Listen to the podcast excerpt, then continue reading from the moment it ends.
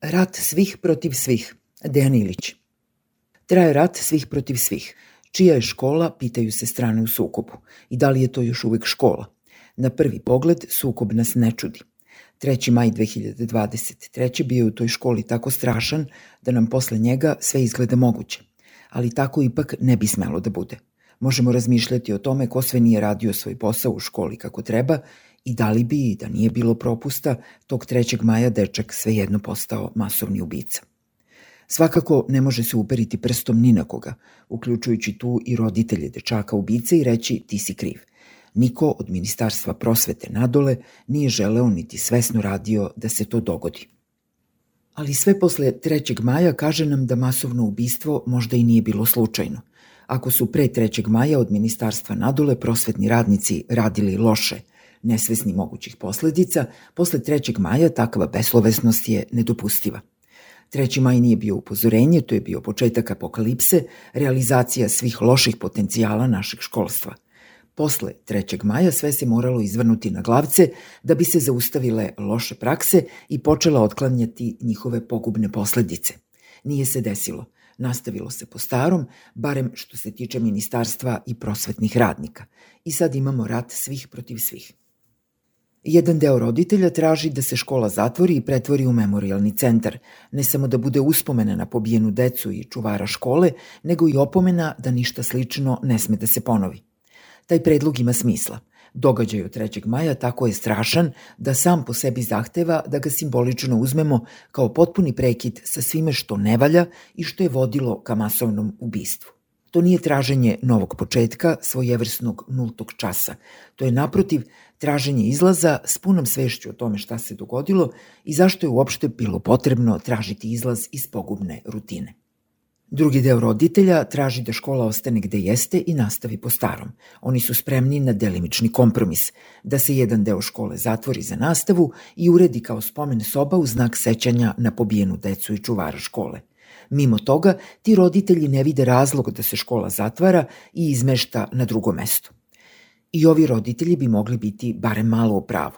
Jedan od prvih saveta posle strašnih događaja jeste da se preživali što pre vrate u svoja svakodnevna ponašanja i okruženja na koja su navikli. To bi trebalo da im makar malo vrati osjećaj sigurnosti koji su izgubili zbog tragedije. Šta žele sama deca, to već malo manje znamo jer se o tome najmanje govori. Trebalo bi ih pitati. Kada bi imao ko da ih pita i kada bi taj neko želeo da ih pita i kada bismo bili spremni da njihove odgovore uzmemo za ozbiljno. Sumnjam da postoji takva spremnost. Na četvrtoj strani sukoba imamo administraciju i zaposlenu u školi.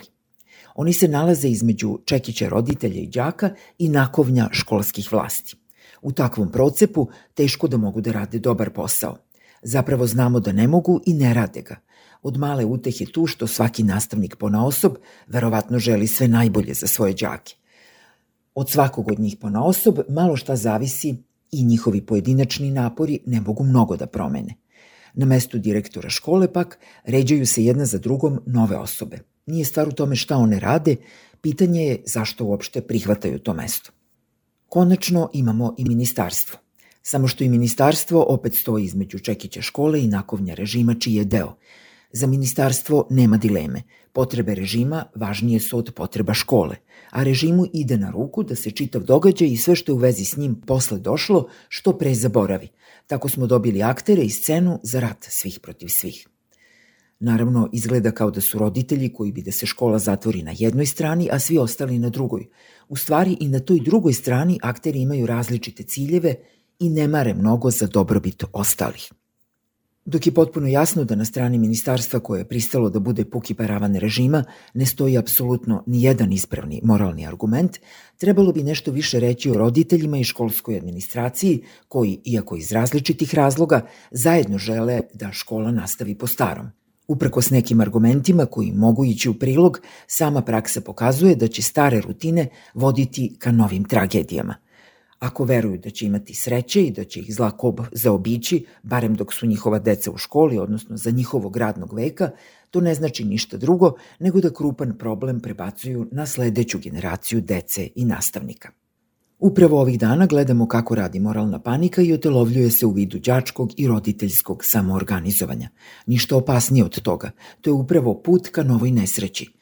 Ne samo što se tako deca i roditelji iznova antagonizuju, nego se jasno demonstrira da školska administracija sa ministarstvom iza sebe nema nikakvu kontrolu nad situacijom u školi.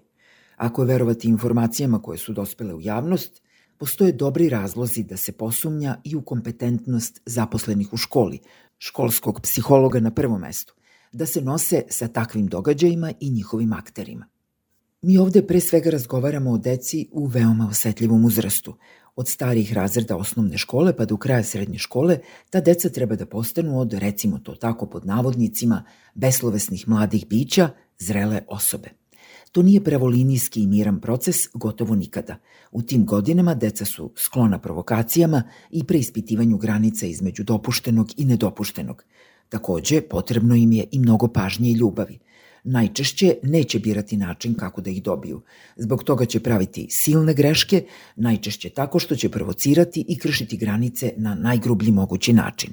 Stvar je u tome što u tim godinama oni ne mogu predvideti posledice svojih postupaka, a ako i mogu, uglavnom nisu u stanju da ih ispravno i do kraja procene. Zato im je potrebna pomoć, pažnja, razumevanje i ljubav. Na drugog dečaka, sada već poznato kao dečak s nožem, ne može se gledati kao na dečaka ubicu, ali moralna panika koju je ovaj režim svojim pogrešnim potezima ili nečinjenjem dao prostor da se raširi, ne gubi vreme na nijanse i razlike – Ona ih potire ponašajući se kao preki sud.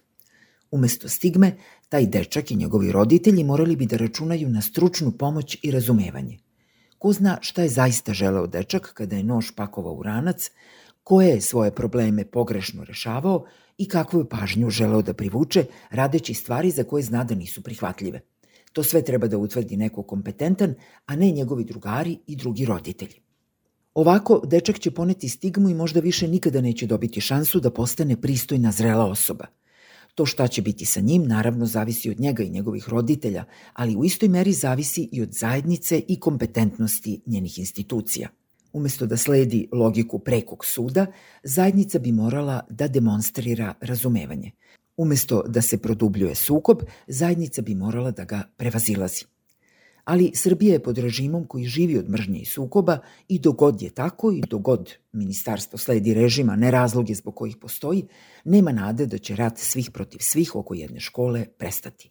Ta škola se tako od izuzetka obeleženog tragičnim događajem pretvorila u odrazu ogledalu društva u kome živimo. Stoga su u pravu roditelji koji traže da se škola zatvori. Mora se staviti tačka na pogubne prakse koje su postale naša svakodnevica. Jedna digresija posle kraja. Godine 2014. poznati glumac William H. Macy napisao je scenario i režirao film Rudderless. Slobodni prevod mogao bi da glasi Izgubljen. To je priča o ocu dečaka masovnog ubice. Ni dečak ni otac nisu prikazani kao moralne nakaze.